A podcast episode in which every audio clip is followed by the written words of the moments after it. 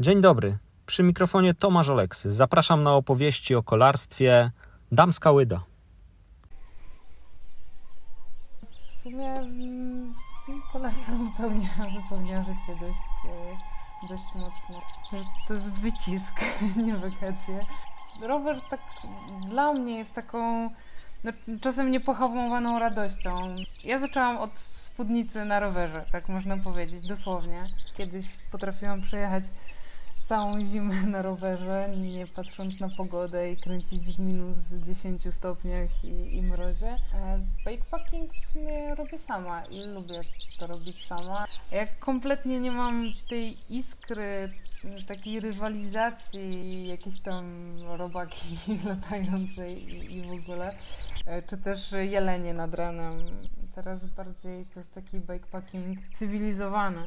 To znaczy, że jadę z jednego miejsca do drugiego, ale, ale w noclegu, e, tak jak e, też Ania też mówiła, ja nie umiem jeździć bez trasy, mnie to napędza. Nie męczę się tą samotnością na rowerze.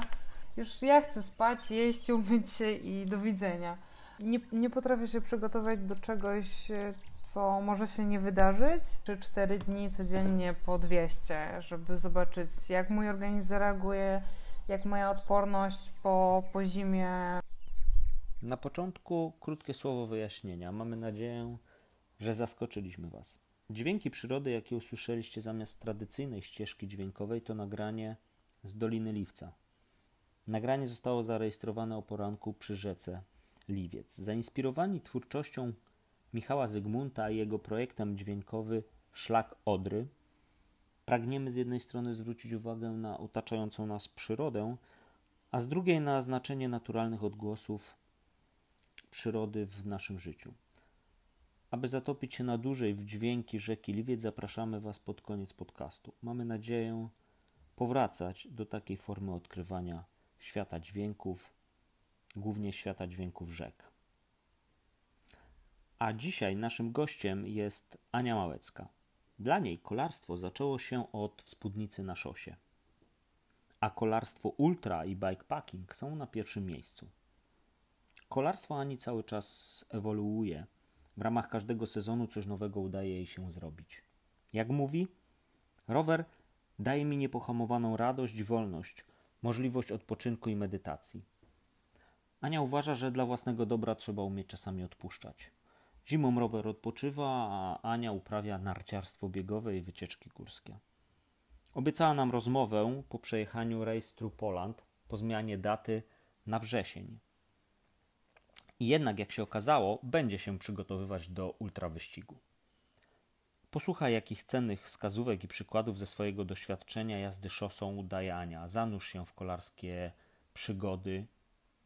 To jest opowieść, która płynie i meandruje, niespiesznie. Wspomnienia, doświadczenia, pasja. Zapraszam na rozmowę.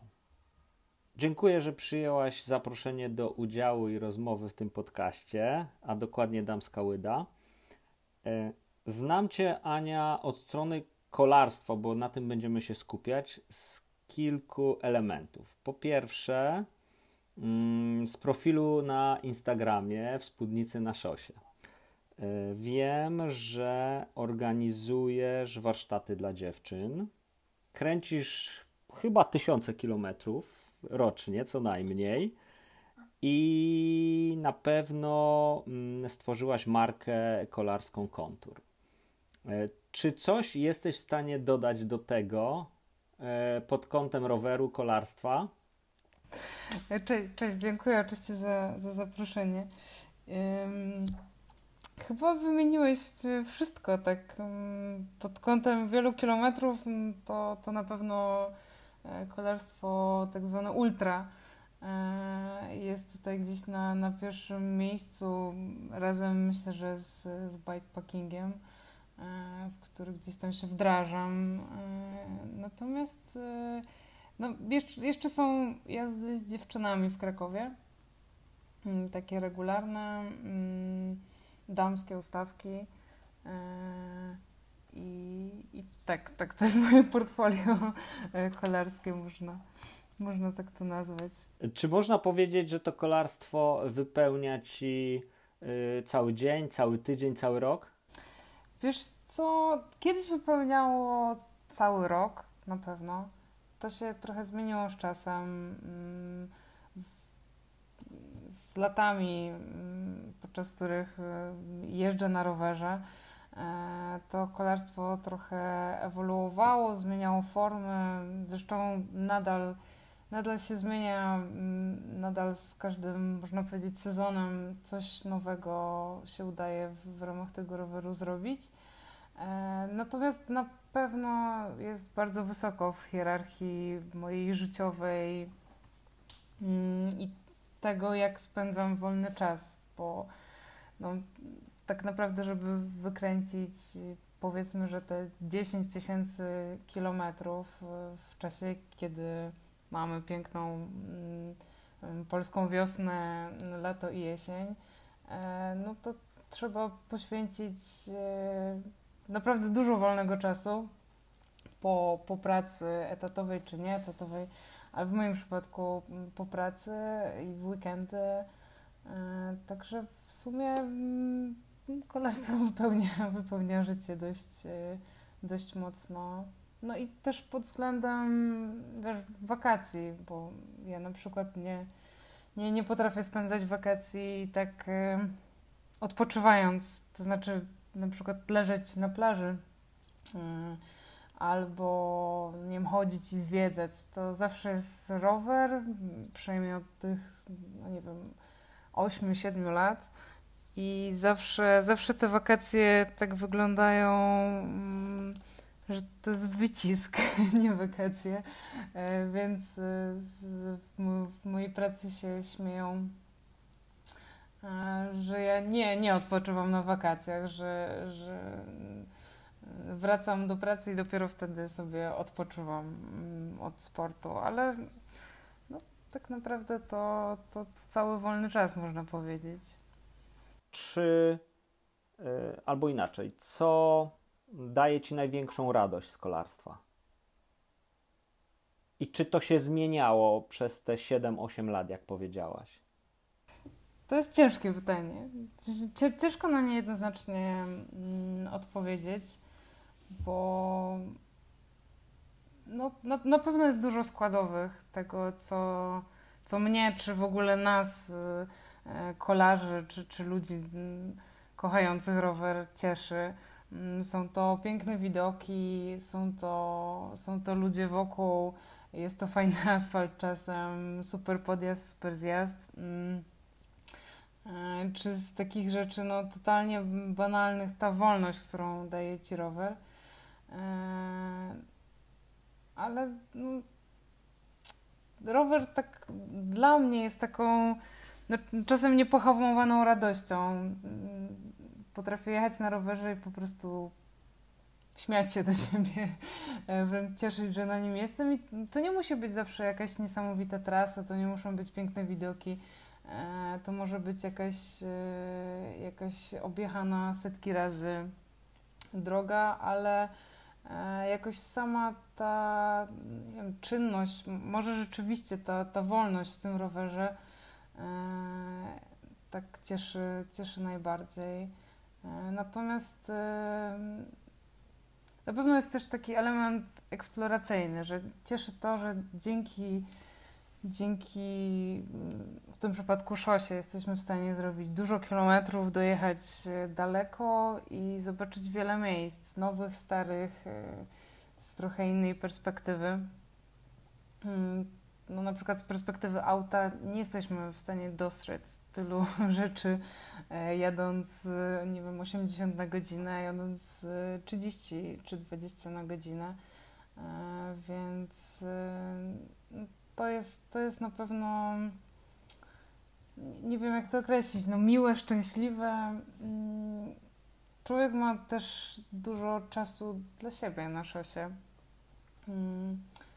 Chyba też w rowerze jedną z takich dla mnie najbardziej docenianych y, rzeczy jest to, że y, no, mogę odpocząć, mogę wręcz pomedytować na tym rowerze co nie udaje mi się siedząc e, e, w siadzie tureckim i regulując oddech, nie, nie ma szans. Więc no, rower właśnie niesamowicie oczyszcza umysł ze wszystkiego. Potrafi nas wyłączyć i, i zrestartować. Dużo jest tych aspektów. No, chyba, chyba w sumie każdy na, na rowerze ma trochę inne yy, i wszystkie, wszystkie są dobre. Yy, natomiast no, sama ta czynność jest niesamowita. taka, taka w sumie prostota tego, ale to, że, to, że jedziesz na rowerze i, i po prostu yy, to ci daje radość. E, tak, myślę, że to, co powiedziałaś, każdy gdzieś będzie pewnie miał w tym swoją definicję, ale fajnie ujęłaś e, tą, tą prostotę, połączyłaś z tą radością. To takie fajne połączenie. Ania, a mm, możesz opowiedzieć, mm, jak mm, ewoluowało Twoje kolarstwo od początku do teraz, bo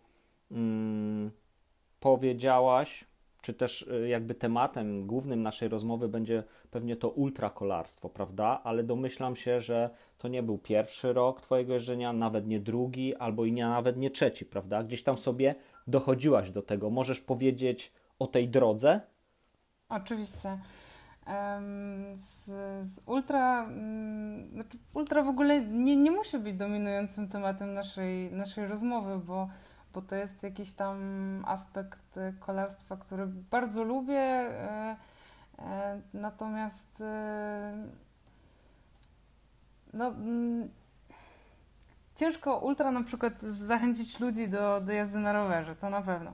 Ale mm, ja zaczęłam od spódnicy na rowerze, tak można powiedzieć, dosłownie. Swego czasu dojeżdżałam do mm, pracy takiej sezonowej, wakacyjnej na rowerze. To było około 20 km dziennie, w, łącznie w obie strony. E, na pożyczonym rowerze. Ten rower niestety mi kiedyś ukradli mm, pod sklepem. Jeszcze człowiek nie był świadomy, że nie zapina się roweru linką, tylko powinno się zapiąć go ulokiem. Musiałam odkupić rower osobie, od której pożyczyłam rower. No i stwierdziłam, że kupię sobie mm, też dla siebie rower, no bo generalnie e, jest, jest to mm, dość przydatne, zwłaszcza w Krakowie, w takim mieście. E, I zaczęłam jeździć jakoś tak gdzieś, byłam w jakichś dolinkach podkrakowskich, mm, cały czas do tej pracy i to był chyba drugi miesiąc posiadania tego mojego własnego roweru. E, był długi weekend sierpniowy, wybieraliśmy się z znajomymi nad jezioro Żywieckie. Oni mówią, że jadą autem, żebyśmy się tam zapakowali, wszyscy, że nie ma problemu. Ja mówię, wiecie co, ja w sumie spróbuję dojechać rowerem. I praktycznie tak jak stałam w balerinkach, czyli butach totalnie cywilnych, w spódnicy, autentycznie w spódnicy. Wiesz, żaden strój sportowy, jakąś taką bluzkę miałam i przez ramię miałam przewieszoną torbę na laptopa.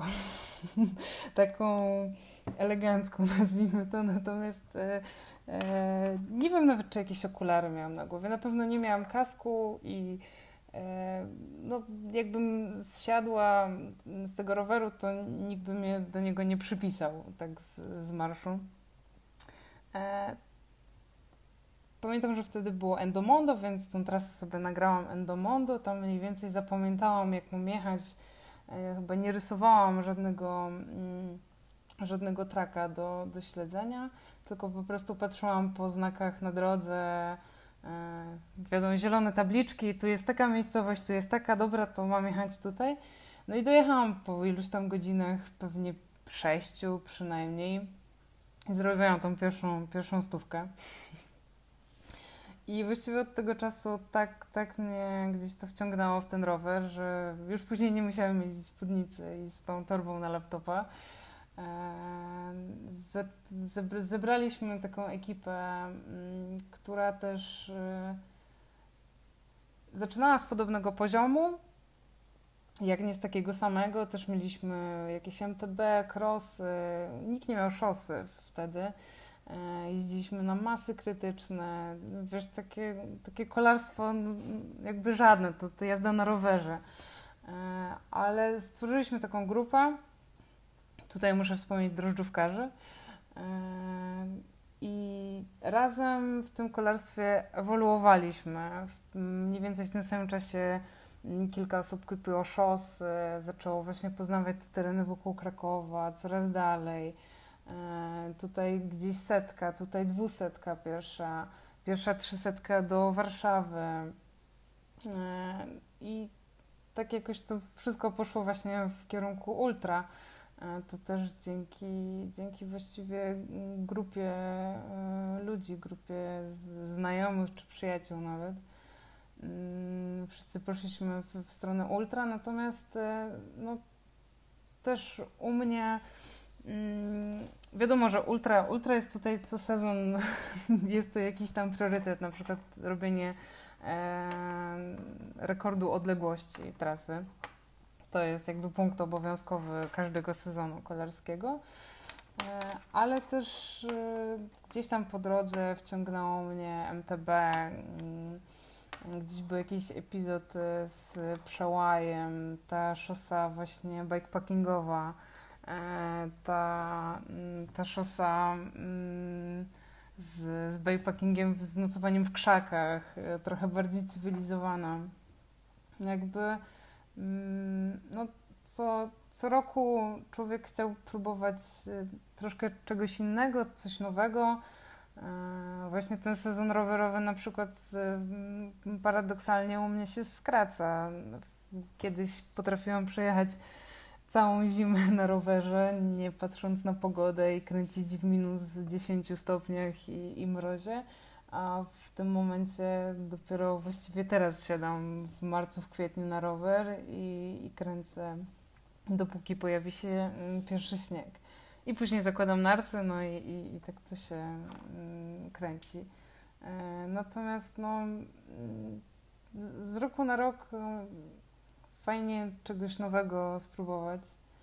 I na przykład tym nowym miał być rejs e, True Poland. E, no ale to pewnie zaraz o tym porozmawiamy. Też, też właśnie prowadzenie damskich jazd było czymś nowym dla mnie, bo e, nigdy nie, nie byłam jakąś taką, nie, nie stawałam w roli organizatora mm, czegoś, czy takiego właśnie jakiegoś wodzireja. Mm, I to, to też jakaś nowa przygoda. No, w sumie z, każdy, z każdym rokiem coś nowego się działo. Czasem na skalę mikro, czasem na większą skalę, taką zauważalną, ale, ale coś cały czas w tym rowerze się zmienia. Czyli e, z roku na rok tak, dochodziły kilometry na pewno, bo powiedziałaś, że wyzwaniem było najdłuższą trasę zrobić, z roku na rok większą. Y, dochodziło szukanie czegoś nowego, doświadczanie czegoś nowego w kolarstwie, prawda? Y, jakiejś takiej y, nowej atrakcji, czy czerpania radości jeszcze z jakiejś tam odmiany. Ale rozumiem, że robisz to razem z kimś, rzadko sama. E, nie do końca. Znaczy, wiesz co, z, z ultra mm, rzeczywiście tutaj grupa dużo daje, ale E, Bakepacking w sumie robię sama i lubię to robić sama i generalnie w ogóle bardzo dużo mm, e, lubię jeździć sama. Miałam czasem takie lata, sezony, że, że bardzo stroniłam od grupy. Po prostu tak czułam. Wolałam sobie sama pojeździć. Czasem jest to, wiesz, kwestia mm, tego, że nie chcesz się dostosować tempem że nie chcesz się tam zażynać, e, albo w, dla niektórych w drugą stronę, że, że po prostu nie chcesz jechać e, wolniej. Czasem jest to kwestia no po prostu czasu dla siebie. Mm, jeżeli to jest Twój wolny czas i chcesz go spędzić tak, jak Ty chcesz, no to czasem to jest wybór jazdy totalnie, totalnie solo. Ja strasznie lubię takie włóczęgi E, bikepackingowe połączone, nazwijmy to ze zwiedzaniem. Ja nie wchodzę do środka, do tych zabytków, e, pałaców i, i głównie architektury, bo, bo na tym to się opiera. E, raczej z zewnątrz sobie objadę, jakiś obiekt sfotografuję i pojadę dalej. Natomiast e, mam swój harmonogram wtedy i mm, czasem dopasowanie się ludzi do niego no, bywa problematyczne. Czy, czy coś trzeba uciąć, czy gdzieś zdążyć na jakiś pociąg i tak dalej, i tak. A jak jadę sama, to w sumie odchodzi mi ten element taki czasem stresujący, że ktoś nie zdąży gdzieś y, przeze mnie, albo musimy ominąć to, bo tego nie zobaczymy, czy coś. No, jak mnie się nie uda, jak ja nie zdążę na pociąg, no to, to przynajmniej jakby wiem, że to moja wina. E, ale mm, no jakby jak chcę gdzieś usiąść albo się położyć, nie wiem, przy drodze na trawie i się drzemnąć, no to jak jestem sama, to to zrobię. Jak jadę z grupą, to, to nigdy tego nie zrobię. Udział czy zamiar Twój mm, w Race Through Holland mm, to jeszcze taki osobny wątek sobie omówimy, ale y, czy mm, przez te 7 czy 8 lat jazdy Mm, byłaś y, w jakimś okresie powiązana z cyferkami, z treningami, z mierzeniem, sprawdzaniem, porównywaniem i tak dalej, tak dalej. Poza oczywiście tym, co powiedziałaś, tymi kilometrami, jako wyzwaniami. E, nie, nigdy nie trenowałam roweru. W ogóle żadnego sportu nigdy nie trenowałam tak, e, żebym miała jakiś, jakiś plan, jakiś cel do zrobienia, jakieś konkretne zadania treningowe. I, i też ten udział w Through Poland jest dość paradoksalny, bo ja w ogóle nie lubię się ścigać, a to jest wyścig. Ja kompletnie nie mam tej iskry, takiej rywalizacji. Jakby jest to z jednej strony, nie mogę powiedzieć, że nie jest to jakaś część motywacji, żeby na przykład dojechać do końca takiej trasy. Natomiast e, kompletnie nie, nie czuję jakby chęci ścigania się tam, jakkolwiek to brzmi. E, ale nie, nigdy, nigdy nie, nie miałam żadnych planów treningowych. E, po prostu nie ciągnęło mnie w stronę takiego kolarstwa, e, żeby nie być jakby gołosłowną i, i nie mówić o czymś, czego się nie, nie próbowało, to, to spróbowałam i na MTB zawodów, i na szosie, i akurat na szosie to była czasówka, nie taki wyścig ze startu wspólnego. E, ale no, no nie, nie mój świat kompletnie. A czy jesteś w stanie przypomnieć sobie, bo domyślam się, że bynajmniej tak o tym opowiadasz, y, że ten bike, bikepacking y, jest Twoją nową fascynacją. E, e, a pamiętasz pierwszy ten wypad e, samemu? Hmm. Wydaje mi się, że to było albo w tamtym roku, albo 2019, chyba 2019. Hmm.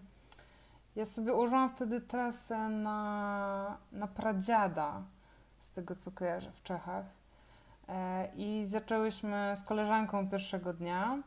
To, był, to miał być jedyny wspólny dzień jazdy z, z kimś, a później już jechałam sama. E, miałyśmy w ogóle nocować nad e, jeziorem, mm, bodajże gdzieś, gdzieś koło Pszczyny, nad Pszczyńskim. W ogóle tam nie dojechałyśmy.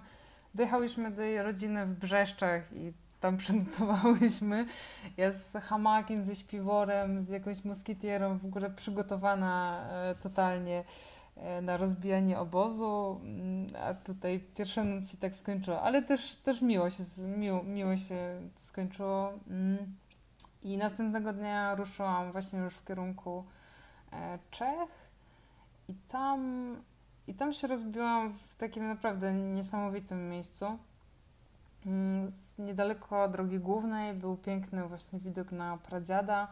E, była taka polanka i kawałek e, lasu, e, takiego dość przerzedzonego. Nie, raczej bym nie weszła z hamakiem w gęsty las, ale było takie wzniesienie, widać było właśnie w miarę okolicy i ten, ten widok na pradziada i, i najbliższe miasto.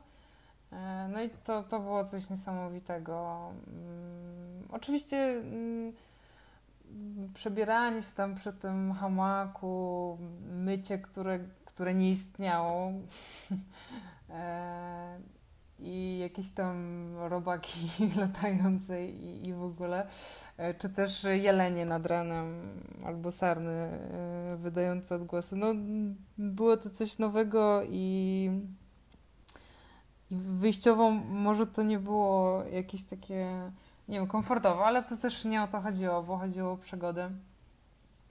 I później bodajże dojechałam do, do znajomych do Stronia Śląskiego. Także w sumie nie było, było to prawie dwa lata temu, nie tak dawno. Nie, nie uważam się za jakiegoś e, doświadczonego bikepackersa, jeżeli tak można powiedzieć. E, i to też e, jest inna forma tego, co na przykład teraz robię, bo mm, teraz bardziej to jest taki bikepacking cywilizowany. To znaczy, że jadę z jednego miejsca mm, do drugiego, ale, ale w noclegu, w jakiejś agroturystyce, u rodziny, u znajomych. Um, oczywiście, jeżeli jest otwarta agroturystyka czy jakieś hotele ale całkiem inna forma niż, niż tak e, gdzieś w lesie czy na polanie.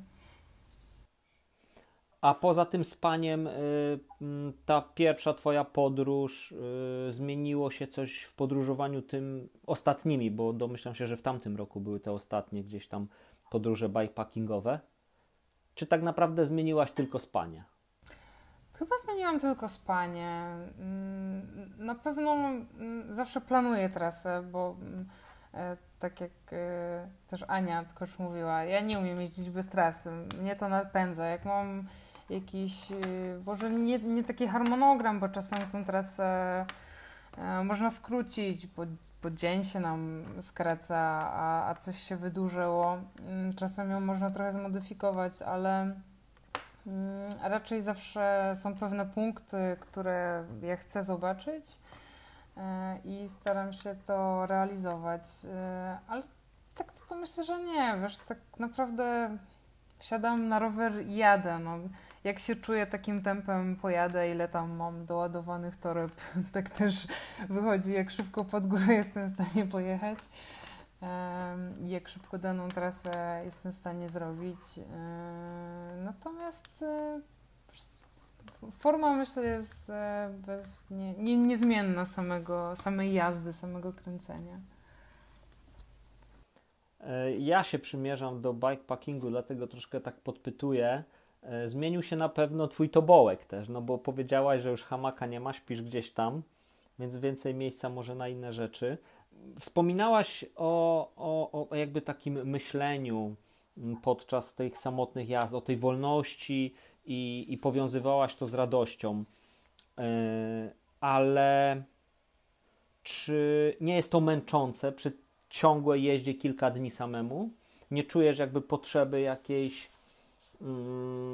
takiej nawet jakby w kontekście pomocy, y, gdyby się coś działo, no wiadomo, mamy telefon, prawda, jesteśmy gdzieś tam w jakimś takim kontakcie, e, ale e, no y, bikepacking, no mi kojarzy się bynajmniej jednak z partnerem, prawda, albo grupką y, jakąś, chociaż małą, prawda, solo, jeszcze dziewczynie, to tylko podziwiać na takie wyprawy. Ja, ja, na przykład się ze sobą mm, w swoim towarzystwie dobrze czuję i to mm, E, nie, nie jest jakieś e, nie wiem, przechwalanie się czy coś. Po prostu jakby nie, nie męczę się tą samotnością na rowerze. E, natomiast jest ten aspekt samotności właśnie w kontekście jakichś sytuacji awaryjnych i raz, że normalnie jadąc długie kilometry człowiek doprowadza się do pewnych granic y, psychicznych, fizycznych, no to samemu to uczucie jednak jest spotęgowane i o ile wszystko jest fajnie, mm, gładko się jedzie i tak dalej, to, to jest ok. No to rzeczywiście może się nudzić, wtedy można odpalić podcast, można można sobie odpalić muzykę, mm, można się skupić na tym, co jest dookoła i o ile to jest jakaś ciekawa trasa w górach, to cały czas ten krajobraz nie pozwoli nam się znudzić. Natomiast no, jak coś się psuje i jak jest sytuacja jakaś kryzysowo-awaryjna, mm, no to wtedy mm, na pewno człowiek odczuwa to, że jest zdany na siebie. To też jest trochę taki trening psychiki. Najlepiej, żeby takie sytuacje się nigdy nie zdarzały, wiadomo, natomiast mm, no, trzeba sobie radzić. No, na pewno może jest to trochę trudniejsze niż w grupie. E, zawsze na przykład w grupie bikepackingowo można się podzielić e, sprzętem. Nie każdy przecież musi wozić pompkę, tule i tak dalej, e, a tutaj wszystko musisz targać sam. Jak zapomnisz czegoś, no to może to kupisz w sklepie, a może niekoniecznie po drodze. Mm, natomiast no nie chcę mówić, że satysfakcja po takiej samotnej wyprawie jest większa niż z grupą, bo to jest e, e, bardzo subiektywne odczucie i bardzo ciężko to skategoryzować. E, natomiast jak człowiek tak przebrnął samemu przez te trudy i, i się nie poddał, nie odpuścił, mm, jechał na przykład pod wiatr ileś tam kilometrów samemu, to, to ta radość później jest niesamowita. Taka wprost proporcjonalna do zmęczenia psychicznego, bym powiedziała. Ale to można powiedzieć, że mm, istotna jest psychika i istotna jest mocna głowa i umienie, mm, umiejętność radzenia sobie e, z trudnymi chwilami samemu, mm, przezwyciężanie ich.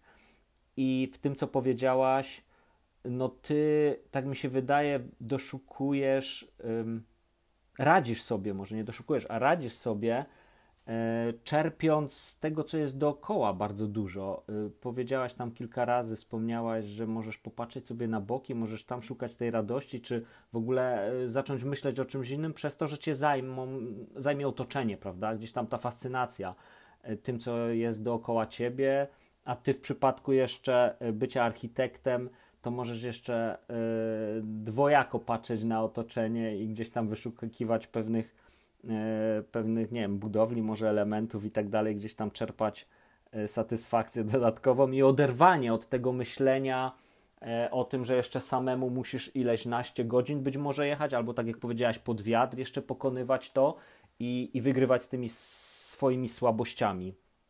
Także ta głowa E, na pewno musi być w Twoim przypadku mocna i domyślam się, że e, podjęcie decyzji o Race Poland, e, no w tym przypadku to jest mm, no nieprzypadkowe, prawda? To nie, znaczy ja myślę, że przygotowanie mentalne podczas tych jazd Twoich innych Y, do takiego wyzwania, bo Race Poland to chyba około 1500 km samotnej jazdy, to trzeba się zdać na siebie w 100%. To prawda. Ja w sumie czasem się tak śmieję do siebie, że no zdecydowanie mam mocniejszą głowę od nóg. I, I to też no, w przypadku długich jest no, głowa jest kluczowa, bo ciało jest zdolne naprawdę do wielu rzeczy. Póki nie, mm, nie dorobimy się kontuzji, to, to ciało nas będzie mm, gdzieś tam do, do, do przodu e, pchać. E, natomiast jak głowa odpuści, to już, to już ciężko, ciężko wrócić e, do tego momentu, kiedy nie odpuściliśmy. Mm, więc no tak, to jest w sumie bardzo ciekawy aspekt, bo czasem nawet ja się staram układać e, trasy tak, albo jak z ekipą układamy trasę ultra.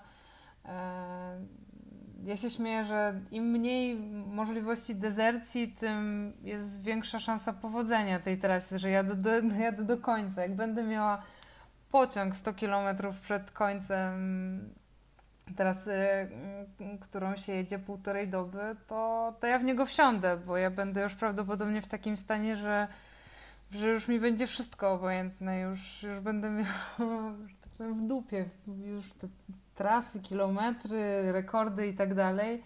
Już ja chcę spać, jeść, umyć się i do widzenia. Eee, więc jak nie ma, nie ma opcji, no to po prostu to jedziesz. To jakby też kwestia, bardzo kwestia nastawienia. Mm, ja właśnie wiem, że e, jak staram się nie robić planów awaryjnych, mm, bo wiem, że prawdopodobnie z niego skorzystam. E, jakby nie ma w tym nic złego, bo, bo czasem rzeczywiście mm, są sytuacje, kiedy trzeba odpuścić i to nie jest złe i i też trzeba się nauczyć tego odpuszczania bez wyrzutów sumienia, że później gdzieś się nie dojechało, jakiegoś rekordu się nie pobiło, e, bo mogło się okazać, że mm, na przykład sobie coś zepsujesz, no będziesz miał kontuzję albo zaśniesz tyle sekund na rowerze, że coś ci się po prostu stanie. E, więc to też, e, no odpuszczać też, też, też trzeba umieć. Mm, ale no ale staram się jakby zawsze się nastawić na to, że dobra, jednak, jednak przejadę, że mm, jak się coś stanie, no to w trakcie ewentualnie obmyślę. Tylko to zawsze jest tak w głowie skonstruowane, przynajmniej u mnie, e, że jak już ja mam gdzieś tam po drodze w trasie kombinować, gdzie tu odbijać na jakiś wcześniejszy pociąg, czy gdzieś coś skracać, to ja wiem, że nie, nie, nie chce mi się kombinować tego, już nawet nie chcę patrzeć, grzebać w tym telefonie jakąś nową trasę, dobra, dojadę do końca. Ewentualnie, mm, nie wiem, no, czasem się zdarzy, że ktoś mnie zgarnie autem. Raz miałam taką sytuację, że właśnie kumpel ze stronie. Yy, byłam os ostatni podjazd do stronie Śląskiego i zerwali asfalt. Już było ciemno, więc droga była tragiczna. Ja cały dzień jechałam pod wiatr. E, byłam niewyspana, jeszcze miałam okres. No generalnie po prostu wszystkie, wszystkie zła, jakie mogły mnie spotkać, to, to, spotkało. Gdzieś tam mm, po drodze taki miałam kryzys snu, że spałam, mm, rozłożyłam sobie kurtkę przy rowie, przy drodze i po prostu musiałam się kimnąć, bo nie mogłam dalej jechać. A to było totalne pustkowie gdzieś przed Czechami i i no, nie było opcji skrócenia drogi, gdzieś, gdzieś tu poczarowania, co by tu innego e, nie zrobić, jak inaczej to przejechać. E, I, i wtedy, wtedy podjechał po, po mnie te 10 kilometrów i, no, i to było zbawienne, bo chyba bym już tam szła e, na nogach. No, natomiast no, głowa, głowa, głowa dużo robi i to to czy, czy w kontekście ultra, czy w kontekście właśnie samotnej jazdy, e, to jest, to jest podstawa. Czy mm, myśląc o kolejnych wyzwaniach, jakie sobie stawiasz z roku na rok, to jednym z nich był, y, był pomysł na Race to Poland. Jak, jak do tego dochodziłaś? Jak myśli Twoje ewoluowały mm, i układały ci się, że zdecydowałaś się y, wystartować? Bo mm, wiem, że y, w planach miałaś start, więc na pewno jakieś przygotowania już poczyniłaś. Tylko z powodu kontuzji wiem też, że w tym roku jednak, nie, jednak nie wystartujesz. Mm, wiesz co, nawet nie, nie kwestia kontuzji, a ja po prostu nie jestem gotowa i nie jestem w tym roku gotowa ani psychicznie, ani fizycznie. I w tamtym roku byłam gotowa. Mm, byłam nastawiona, byłam jakby. Mm, w ogóle udział w Through Poland, pomijając to, że nie lubię się ścigać, e, trochę stał się taką naturalną ewolucją tego, że ciągnie mnie do tego bikepackingu lubię ultra, więc y, wiesz, jak dodasz te dwie rzeczy do siebie, to wychodzi ci Race Poland. Jeszcze e, ten smaczek, że, że jest to self-supported i jesteś właśnie zdany na siebie. Mm, e, a sam, jakby sama forma tego, że to jest wyścig, no w jakimś sensie tam motywuje, żeby po prostu skończyć to w limicie na przykład. E, natomiast e, no, w tamtym roku był plan, żeby z koleżanką pojechać na Sardynię. Już były kupione bilety w, na, na marzec, na drugą połowę marca. E, miałyśmy tam zrobić taki e, tygodniowy bikepacking e, po górach na dziko. Codziennie przynajmniej setka po górach, gdzieś spanie po krzakach, e, e, po tych małych miejscowościach, szukanie jakiegoś jedzenia i, i jakby wiedziałam, że to będzie dobra baza, że taki pierwszy obóz, nazwijmy to treningowy, e, w trochę cieplejszych warunkach niż w Polsce w marcu i z tymi górami, które ja tam muszę przejechać, bo mieliśmy zrobić pętlę i trzeba wrócić na miejsce, gdzie znowu się wsiądzie w samolot. Mm, wiedziałam, że to, to mnie przygotuje fizycznie mm, do, do Through Poland. No, psychicznie tak się śmieję ze znajomymi, że na to nie można być gotowym, że jakby trochę jesteś gotowy, ale, ale nie wiesz, co się tam wydarzy, co, co, co cię spotka, jak będziesz reagował, jak, jak twój organizm. Mm, można oczywiście to mm, w dużym stopniu przewidzieć, jak, jak zna się samego siebie, swoją jazdę, organizm i tak dalej, natomiast no, jest jakiś taki element jednak y, mm, przygody i nieprzewidywalności w takich imprezach, którego nie da się, nie da się E, ująć w harmonogramie. Ale psychicznie, wiesz, jakby mm, wiedziałam, że, że to jestem w stanie przejechać, że głowa to przejedzie i mimo, że tam jest niesamowicie dużo gór, to, to wiedziałam, że, że dam radę. A no, nie ukrywam, że ten 2020 trochę pewnie odjął e, zapału ludziom. I w tym roku no jeszcze nie wiadomo, tak jak dzisiaj rozmawiamy, czy Through Poland odbędzie się i w jakiej formie. E, a ja mm, nie, nie potrafię się przygotować do czegoś, co może się nie wydarzyć. I to nawet, e, wiesz, nie fizycznie, bo jakby całą zimę biegałam na nartach, chodziłam po górach, e, człowiek się generalnie ruszał E, natomiast psychicznie nie jestem w stanie się nastawić na coś, co może mm, zostać odwołane, przeniesione na przykład na, na kolejny rok. Jakby to, to, to dyskwalifikuje mój udział w tej edycji, jeżeli ona będzie w tym roku. Natomiast jeżeli, jeżeli w przyszłym roku E, będzie rejestru Poland, to, to jak najbardziej. To tam tylko musi mnie Piko przepisać na, na kolejną edycję po prostu. A czy mm, poza takim Twoim trybem kolarskim naturalnym, czyli tych Twoich y, jazdach i, i, i takim tygodniu normalnym, czy miałaś w planie poza tymi dużymi, znaczy dużymi, po, poza przykładowo tą Sardynią, prawda? Coś więcej robić? Czy to miało być na takiej zasadzie, Twoje jazdy są wystarczającym yy, przygotowaniem do tego wyścigu? Wiesz co, na pewno splanowałam takie majówkowe przetarcie sobie zrobić.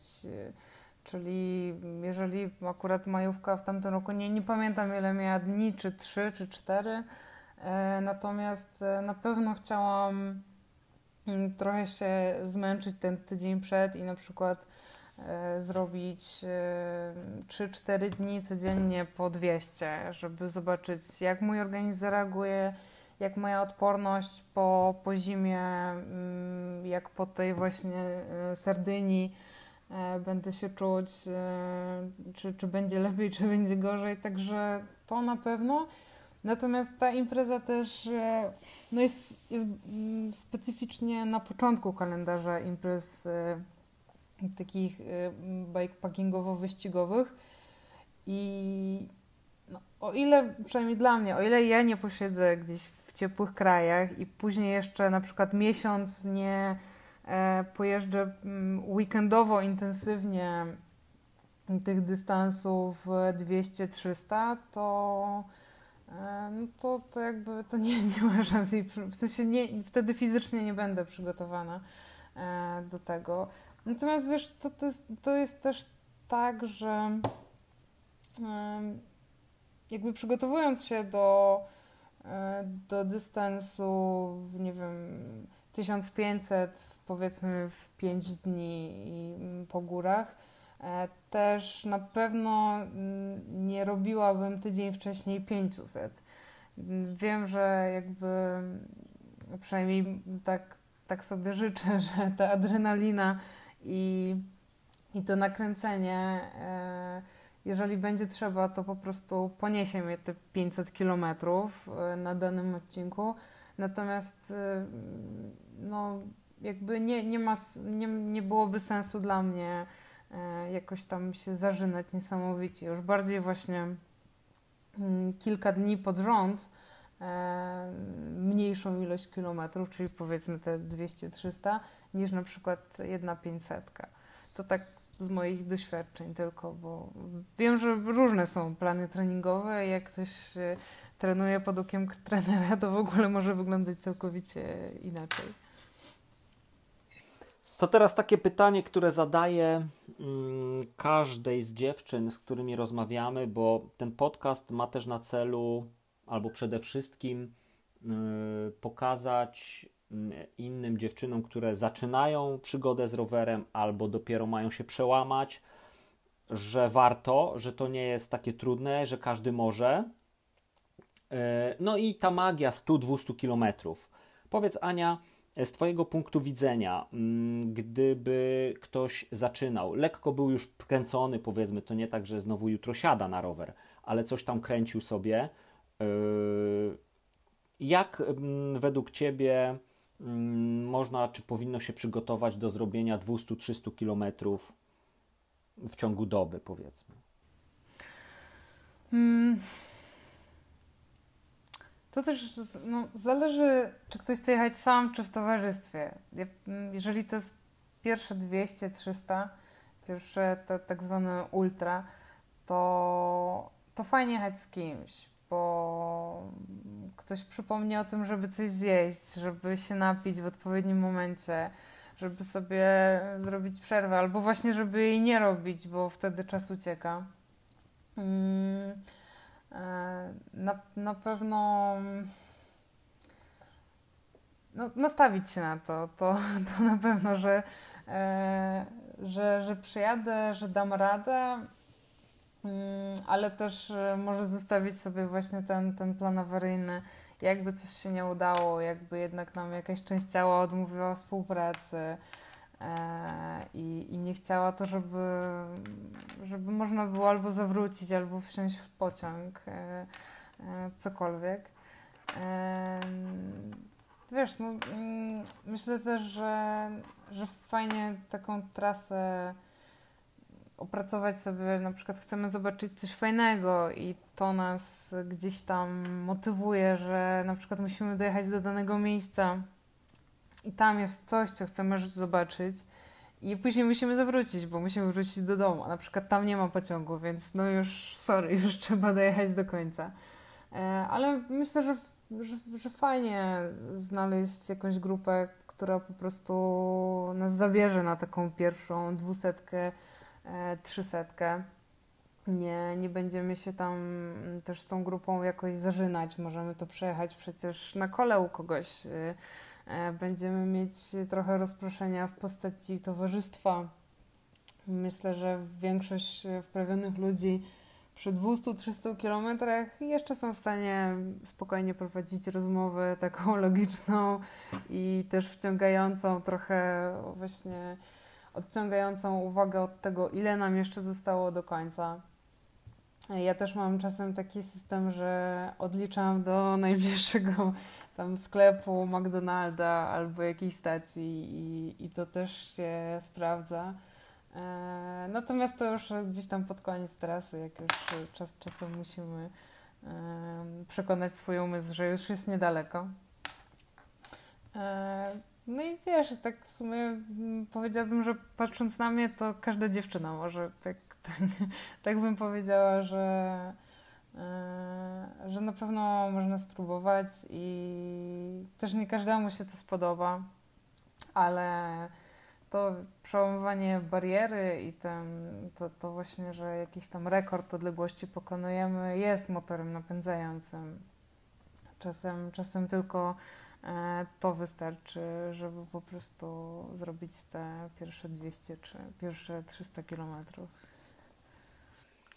A e, czy masz tak, że na przykład wiesz, że jest piątek, masz zaplanowaną jazdę na sobotę, Mm, bo będzie na pewno ładna pogoda, 200 albo 300 lub weekend w ogóle na rowerze.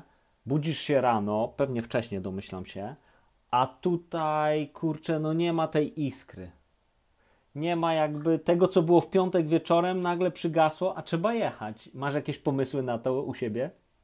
E, mam tak. E, nie wiem, czy często, czy nie często, ale, ale mam tak. I. Mm, i, I, są dwie opcje, jakby albo odpuszczamy, to nie jest jakby polecana przeze mnie opcja na pewno. Eee, i, no ale później nie, nie można się biczować e, przez to, że, że odpuszczamy, ale no, najgorzej się przemóc, znaczy, trzeba się ubrać, nie pójdziemy spać w stroju kolarskim, nie wstaniemy, żeby być na pewno e, gotową czy gotowym. Eee, ale jakoś, no, mm, kurczę, ja, ja czasem po prostu myślę o, o tej trasce, że, że, że fajna, że chcę coś tam zobaczyć, że, że przecież ładna pogoda, że no najwyżej, nie wiem, najwyżej skrócę, jak nie będę się czuła, ale najtrudniej wyjść. Jakby to już każdy, każdy musi przekonać swoją psychikę, swoją głowę, że, że warto wyjść. Natomiast jak będzie źle, Zawsze, zawsze można gdzieś zawrócić, y, zawsze można troszkę zmienić plany, ale gwarantuję, że w 99% przypadków y, no nie będzie się żałowało tego, że, że się wyszło, że się jednak nie odpuściło, że człowiek gdzieś tam powalczył ze sobą chwilę, przemógł się i, i czy, czy w ogóle pojechał, czy na przykład dokręcił do tej setki, czy dokręcił do dwusetki no, ja przyznam, że mm, zwłaszcza jak jadę pod wiatr, strasznie lubię wiatru. Już wolę deszcz, szczerze mówiąc, niż, niż jazdę pod wiatr. Um, mam, czasem potrafię podczas, podczas setki mieć e, tyle myśli, żeby kurczę, żeby już zawrócić, że nie, żeby na przykład jadę z wiatrem i wiem, że powrót będzie pod wiatr, no to to jest idealna okazja, żeby skrócić sobie tą jazdę, bo ja wiem, co mnie czeka już na powrocie i wiem, że będę bardziej zmęczona, bo setka jest super z wiatrem, a później kolejna setka e, jest męczarnią, e, albo nawet mniej kilometrów, nawet przy setce. Czasem takie myśli, że, e, że, że już dość, no ale jak człowiek finalnie przejedzie i, i ma tą satysfakcję i i są te endorfiny, jest to szczęście, no to, to chyba, chyba nigdy nie, nie żałuję, że, że w końcu wyszedł. No to mam bardzo podobne doświadczenia. Przemóc się, żeby wyjść, a potem, tak jak powiedziałaś, z reguły jest zawsze tak, że człowiek ma tą radość i satysfakcję z tego, że przejechał, wrócił, że jednak się zmobilizował do wyjścia. Y, jak, jakim elementem w Twojej jeździe czy w tych podróżach kolarskich, y, które uprawiasz, jest y, fotografia? E, tak, jak, jak najbardziej. I też strawę traktuję trochę jak taki dziennik fotograficzny. I właściwie z każdej jakiejś jazdy, jak, jakieś zdjęcie staram się przywieźć. E, E, czasem jest to architektura, czasem jest to przyroda, czasem są to widoczki. Oczywiście te widoczki zawsze na żywo są ładniejsze niż, e, niż na zdjęciu. Ja też uprawiam głównie tak zwaną fotografię telefonową, czy też smartfonową, więc to nie są jakościowe jakoś niesamowite zdjęcia. E, ale jakby staram się z każdej jazdy coś przywieźć i wiesz, czasem to jest gdzieś tu pod Krakowem jakaś mała dróżka w lesie i ona akurat danego dnia wygląda niesamowicie, bo świeci na nią słońce, albo liście się zazieleniły, albo właśnie spadły na jesień. E, więc to może być też e, opatrzony mm, widok dla, dla wszystkich ludzi, którzy tam byli, nawet dla mnie, ale danego dnia jest, jest to coś takiego ładnego. No, ma w sobie nie wiem, jakiegoś takiego może ducha tej jazdy. E, więc e, jakieś dłuższe jazdy to, to zawsze te najciekawsze momenty, bo są też takie jazdy, kiedy przez 200 km naprawdę jest mało ciekawych rzeczy. I na przykład jedną ciekawą rzeczą może być e, nazwa miejscowości. Mm, albo, albo jakaś śmieszna nazwa baru, czy coś takiego. Także to, to nie zawsze są jakieś e, zapierające wdech, dech w piersiach widoki, czy, czy niesamowite właśnie budynki.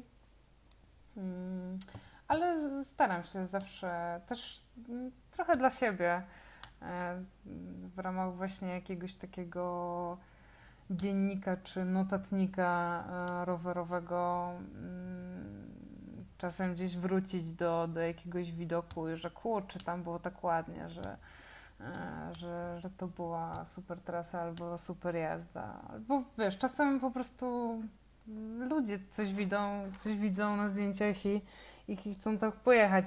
To też w ramach mm, takiego zachęcenia ludzi do, do jazdy i do zapuszczania się na przykład dalej. Albo właśnie do eksploracji tej najbliższej okolicy, która czasem przez, przez rodowitych e, e, mieszkańców danego miasta jest kompletnie nieodkryta. Opowiedz, e, opowiedz proszę o warsztatach. E, widziałem, że no, już kilka chyba edycji było, kolejne są w planie. Mm, po zdjęciach e, widać, że no jest super, jest fan i sprawia ci to chyba radość. Możesz opowiedzieć o nich? Warsztaty w ogóle przejęłam od Piotrka Budzyńskiego. On zrobił pierwsze dwie edycje. Ja przy drugiej edycji już mu pomagałam e, jako jedna z prowadzących, a, a później Piotrek mi przekazał tą ideę. Mm, bo szczerze mówiąc, nie wiem, czy sama bym się odważyła zorganizować coś takiego, więc e, Piotrek przekazał mi to know-how, pewne elementy organizacji i ja się w tym odnalazłam. I stra strasznie to jest fajna idea, bo jest bardzo prosta. Po prostu są dziewczyny, jest e, szosa e, i jest radość z tego. Jest, jest trochę nauki, jest, jest pomoc, ale są niesamowite drogi Kotliny Kłodzkiej e, i dziewczyny tam w swoim towarzystwie, no, z tego co zawsze mówią, bawią się, bawią się fajnie. Też się trochę zmęczą, one na mnie przeklinają na, na podjazdach. jak, jest, jak jeszcze brakuje na przykład 10 km do, do Racuchów na spalonej, to ja tam e, słyszę epitety. Ale śmieję się, że, że nie, że cały czas mówią, że piękna trasa, że piękne widoki i że, że mało im. Mm. Ale to jest taka, wiesz, jazda, właściwie chyba wakacje dla dziewczyn, tak myślę. Eee, taka jazda bez, bez totalnej napinki. Eee, na wszystkich czekamy, spotykamy się gdzieś tam w połowie trasy albo na końcu w jakiejś kawiarni, w schronisku, w knajpie. Eee, wieczorami siadamy i rozmawiamy o przeróżnych rzeczach, nie tylko o rowerze. E, przy okazji każda z dziewczyn nauczy się, jak sobie poradzić ze zmianą dętki albo co się stanie, jak jej strzeli gdzieś linka na trasie. Więc to też z takich praktycznych rzeczy, ale mm, no, myślę, że tutaj jakby naj, najprzyjemniejsze jest to, że właśnie w jakimś takim kobiecym gronie też muszę powiedzieć, że z kobietami się jeździ inaczej niż z facetami. po prostu inaczej. Jest czasem gorzej, czasem lepiej, ale, ale jest trochę inaczej. Mm, wiesz, nikt ich tam nie, nie pogania, nie, one nie, wiedzą, że, że ten facet tam nie czeka i nie tupie nóżką na, na górze, na przełęczy, tylko one sobie spokojnie mogą dojechać. A oczywiście jak, jak są dziewczyny szybkie, e, no to, to my je musimy gonić tam z, z, z kolegą, z, który też ze mną prowadzi. Okoliczności przylety są niesamowite, mm, bo tam praktycznie nie ma ruchu kołowego. E, jest cisza, spokój, zieleń, takie podjazdy idealne. Nawet jak ktoś, wiesz, nie, nie jest ani góralem, ani jakoś dużo nie kręci, no tak naprawdę w tych pierwszych dwóch edycjach były dziewczyny, które nigdy na szosie nie jeździły. One pierwszy raz usiadły na szosę, w ogóle nie wiedziały, jak się co zmienia, jak się na tym kręci, a przecież to jest troszkę inaczej niż na rowerze z prostą kierownicą. Mm, więc one po prostu wsiadły na tą szosę. E, tam pamiętam, że z Piotrkiem pokaza pokazaliśmy, e, jak się zmienia przerzutkę, jak się hamuje, jak się siedzi na rowerze. No i one pojechały. Wsiadły i na początku jest tam z Zieleńca zazwyczaj zjazd taki dość długi, bo z 10 km prawie do dusznik z zakrętami, wsiadły, pojechały. Także o, no, to, to pokazuje w sumie, że tak totalnie bez, bez barier. Później oczywiście zawsze rodzą się pytania w, w, miarę e, w miarę obycia z tym rowerem, no to kolejne aspekty są poruszane, ale już czasem tak e, E, jakby człowiek może nawet lepiej nie jest świadomy, co go czeka i, i spróbuje i, i to zaskoczy od razu. Czyli łączycie e, takie elementy techniczne z taką przygodą na rowerze, e, takim wprowadzeniem tych dziewczyn jakby w takim, można by powiedzieć, nie wiem, level up w, w, w tym kolarstwie, żeby im było łatwiej a żeby zarazem przeżyły coś, coś fajnego na rowerze, żeby zostały z nim, żeby doświadczyły, no i chętniej, domyślam się, wracały już same. Tak, no, natomiast są też dziewczyny, które już jeżdżą i y, właśnie wydaje mi się, że dla nich to jest taka, taka szansa na taki damski, może nie nawet obóz, ale codziennie coś się dzieje. E, I wiadomo, że mm, zawsze im odpowiemy na każde pytanie, ale mm, jakby one, one wiedzą wszystko, wiedzą, wiedzą dużo na pewno.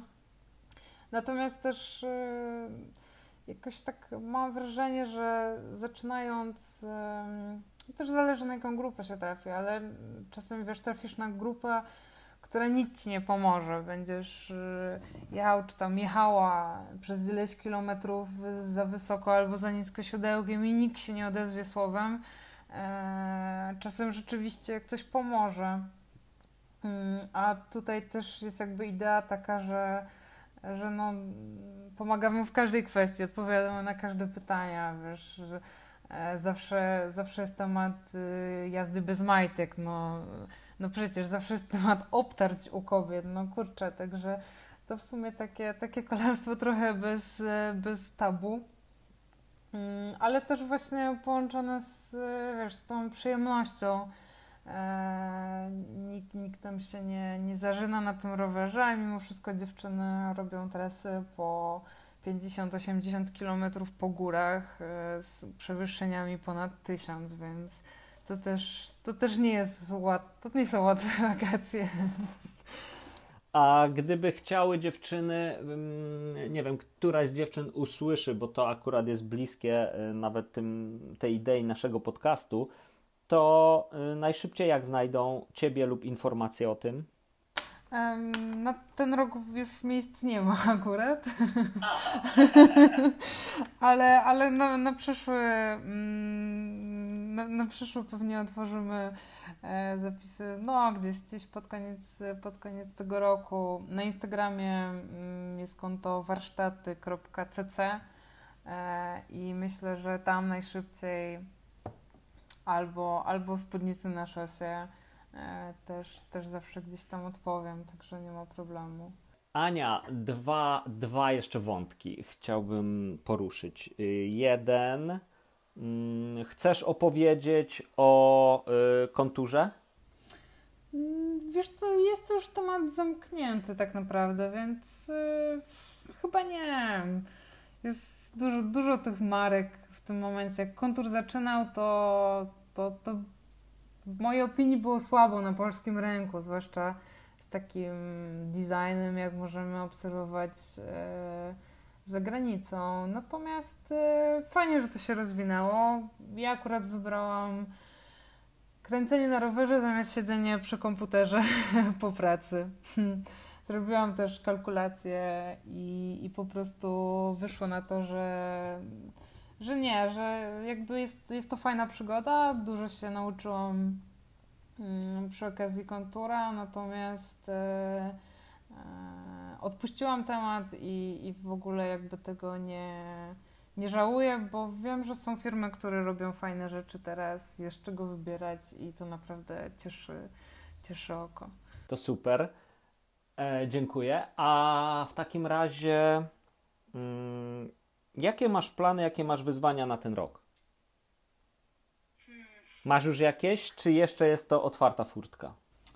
Chyba jest to otwarta furtka. Na, na pewno, znaczy są plany takie, żeby objechać jeszcze bardziej południe Polski. Na pewno chciałabym e, przejechać e, sporą część podkarpackiego i jeszcze część dolnośląskiego, gdzie, gdzie mnie nie było chciałabym pojechać e, w ramach jakiegoś e, damskiego bikepackingu e, na, na Kaszuby, nad jeziorka.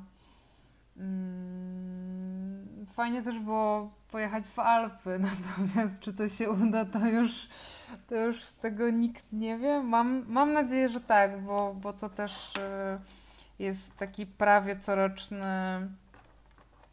program do zrealizowania, żeby, żeby pojeździć w tych wysokich górach, e, bo te widoki, no Polska jest piękna, natomiast tamte widoki tak zapierają tych w piersiach, że, że, że naprawdę przynajmniej raz do roku e, warto odwiedzić e, i jeździć kurczę, jak, jak najwięcej tak naprawdę.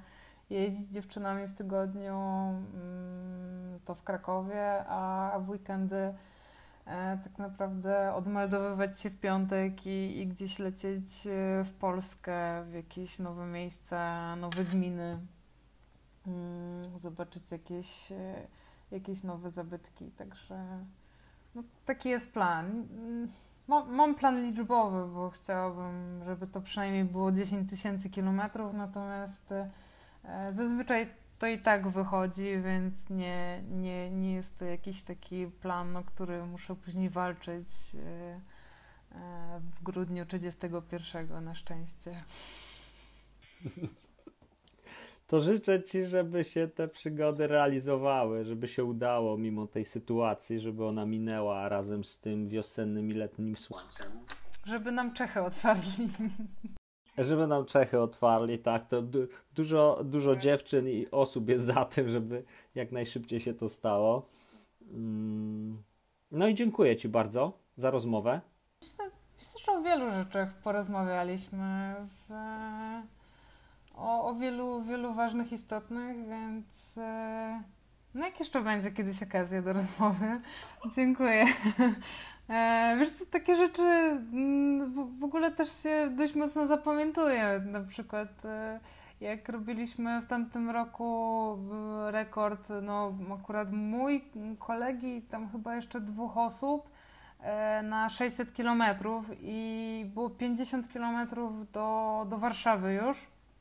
Czas mieliśmy naprawdę, naprawdę dobry, bo to na pociąg trzeba zdążyć. I ja już, no już nie mogłam kręcić. Już miałam taki kryzys snu, chyba trzeci z rzędu. Już wiesz, średnia z e, normalnie z okolic między 25 a 30 spadła do 17. Ja już wiedziałam, że no jak się nie położę za 3 sekundy, to, to się przewrócę na tym rowerze. E, wszystko już miało dość. I ciało, i, i głowa, a, a głównie właśnie głowa i, i ten brak snu. No i zobaczyłam jakąś kapliczkę na poboczu, taką z, z takim chodniczkiem, więc rozłożyłam tam koszulkę, no i się położyłam na 15 minut i jest, jest takie zdjęcie, jak właśnie e, le, leżę skulona pod tą kapliczką. Natomiast e, no, bardzo miło się zapamiętuje takie rzeczy i później towarzyszą przez długi czas. E, a po drzemce od razu średnia skoczyła do prawie 30, więc, więc warto było się zatrzymać. No, du dużo jest takich przygód. Też wiesz, ciężko je tak tak na hura wygrzebać z pamięci, bo, bo to wiadomo przy, przy okazji tak. e, wracania do pewnych e, tras, przeżyć, to, to one też e, wychodzą. Ale pewnie też takie wspomnienia, domyślam się, mocno nakręcają kolejne wyprawy. Tak, na, na pewno. To, to, to fajnie i wiesz, jakby też no, niektórych ludzi czasem to zachęca, w sensie, że wiedzą, że może coś się takiego zdarzyć, jakaś taka. To jest wtedy przygoda, jakby. Nie mówię, że jak wsiadasz na rower i jedziesz e, setkę po znanych okolicach, to nie może być przygoda, jak najbardziej. Natomiast jeżeli słuchasz od innych ludzi, co, co tam się dzieje i i że wow, co, coś takiego ci się przydarzyło, to, to myślę, że no w sumie mnie też się coś może takiego ciekawego przydarzyć. Oby oczywiście pozytywnie, a nie, a nie zaśnięcie na rowerze i wpadnięcie do rowu. E, ale jak się obyło bez jakichś większych kontuzji, to, to też się to pamięta później finalnie z uśmiechem na twarzy.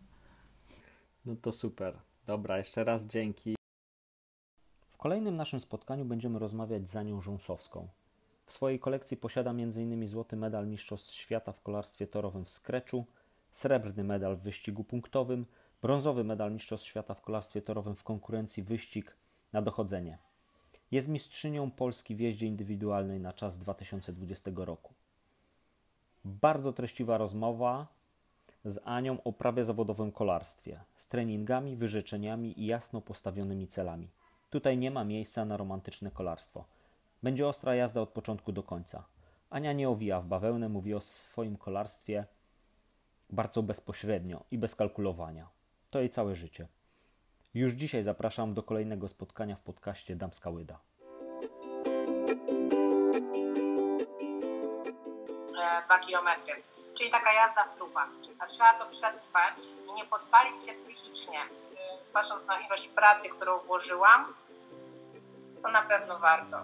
Bo byłam w 2019 żółtodziobem i jestem nadal żółtodziobem. Po każdym treningu widzę zmianę, widzę swój progres. To ile się uczę, ja widzę swój progres, to mnie najbardziej motywuje. Tęcza jest e, dla mnie najważniejsza. Rower szosowy, e, ściganie się na rowerze szosowym wymaga ogromnego doświadczenia. Ja tego doświadczenia nie mam, bo ja ja na tor przyszłam w 2018 roku. Mnie kolarstwo strasznie dużo nauczyło. Ja byłam okropnie roztrzepaną osobą i nadal jestem. Dlaczego, co, dlaczego lubię rower? Kurczę, no nie wiem. Bo jak sobie myślę o stanie mojego konta, to, to, to tutaj bym powiedziała, że to nie jest na pewno ten powód. Miejsca na błędy. Błędy się kończą, wiemy jak. Tam nie ma hamulców, prędkości są ogromne i tam nie ma myślenia o pierdoletach ciężko powiedzieć, co zaznaczył ten ból, bo to było doprowadzenie się do absolutnej takiego wypalenia. E, stawiam omleta i rano ćwiczę i jak się omlet kończy, to już jestem po ćwiczeniach i po prysznicu.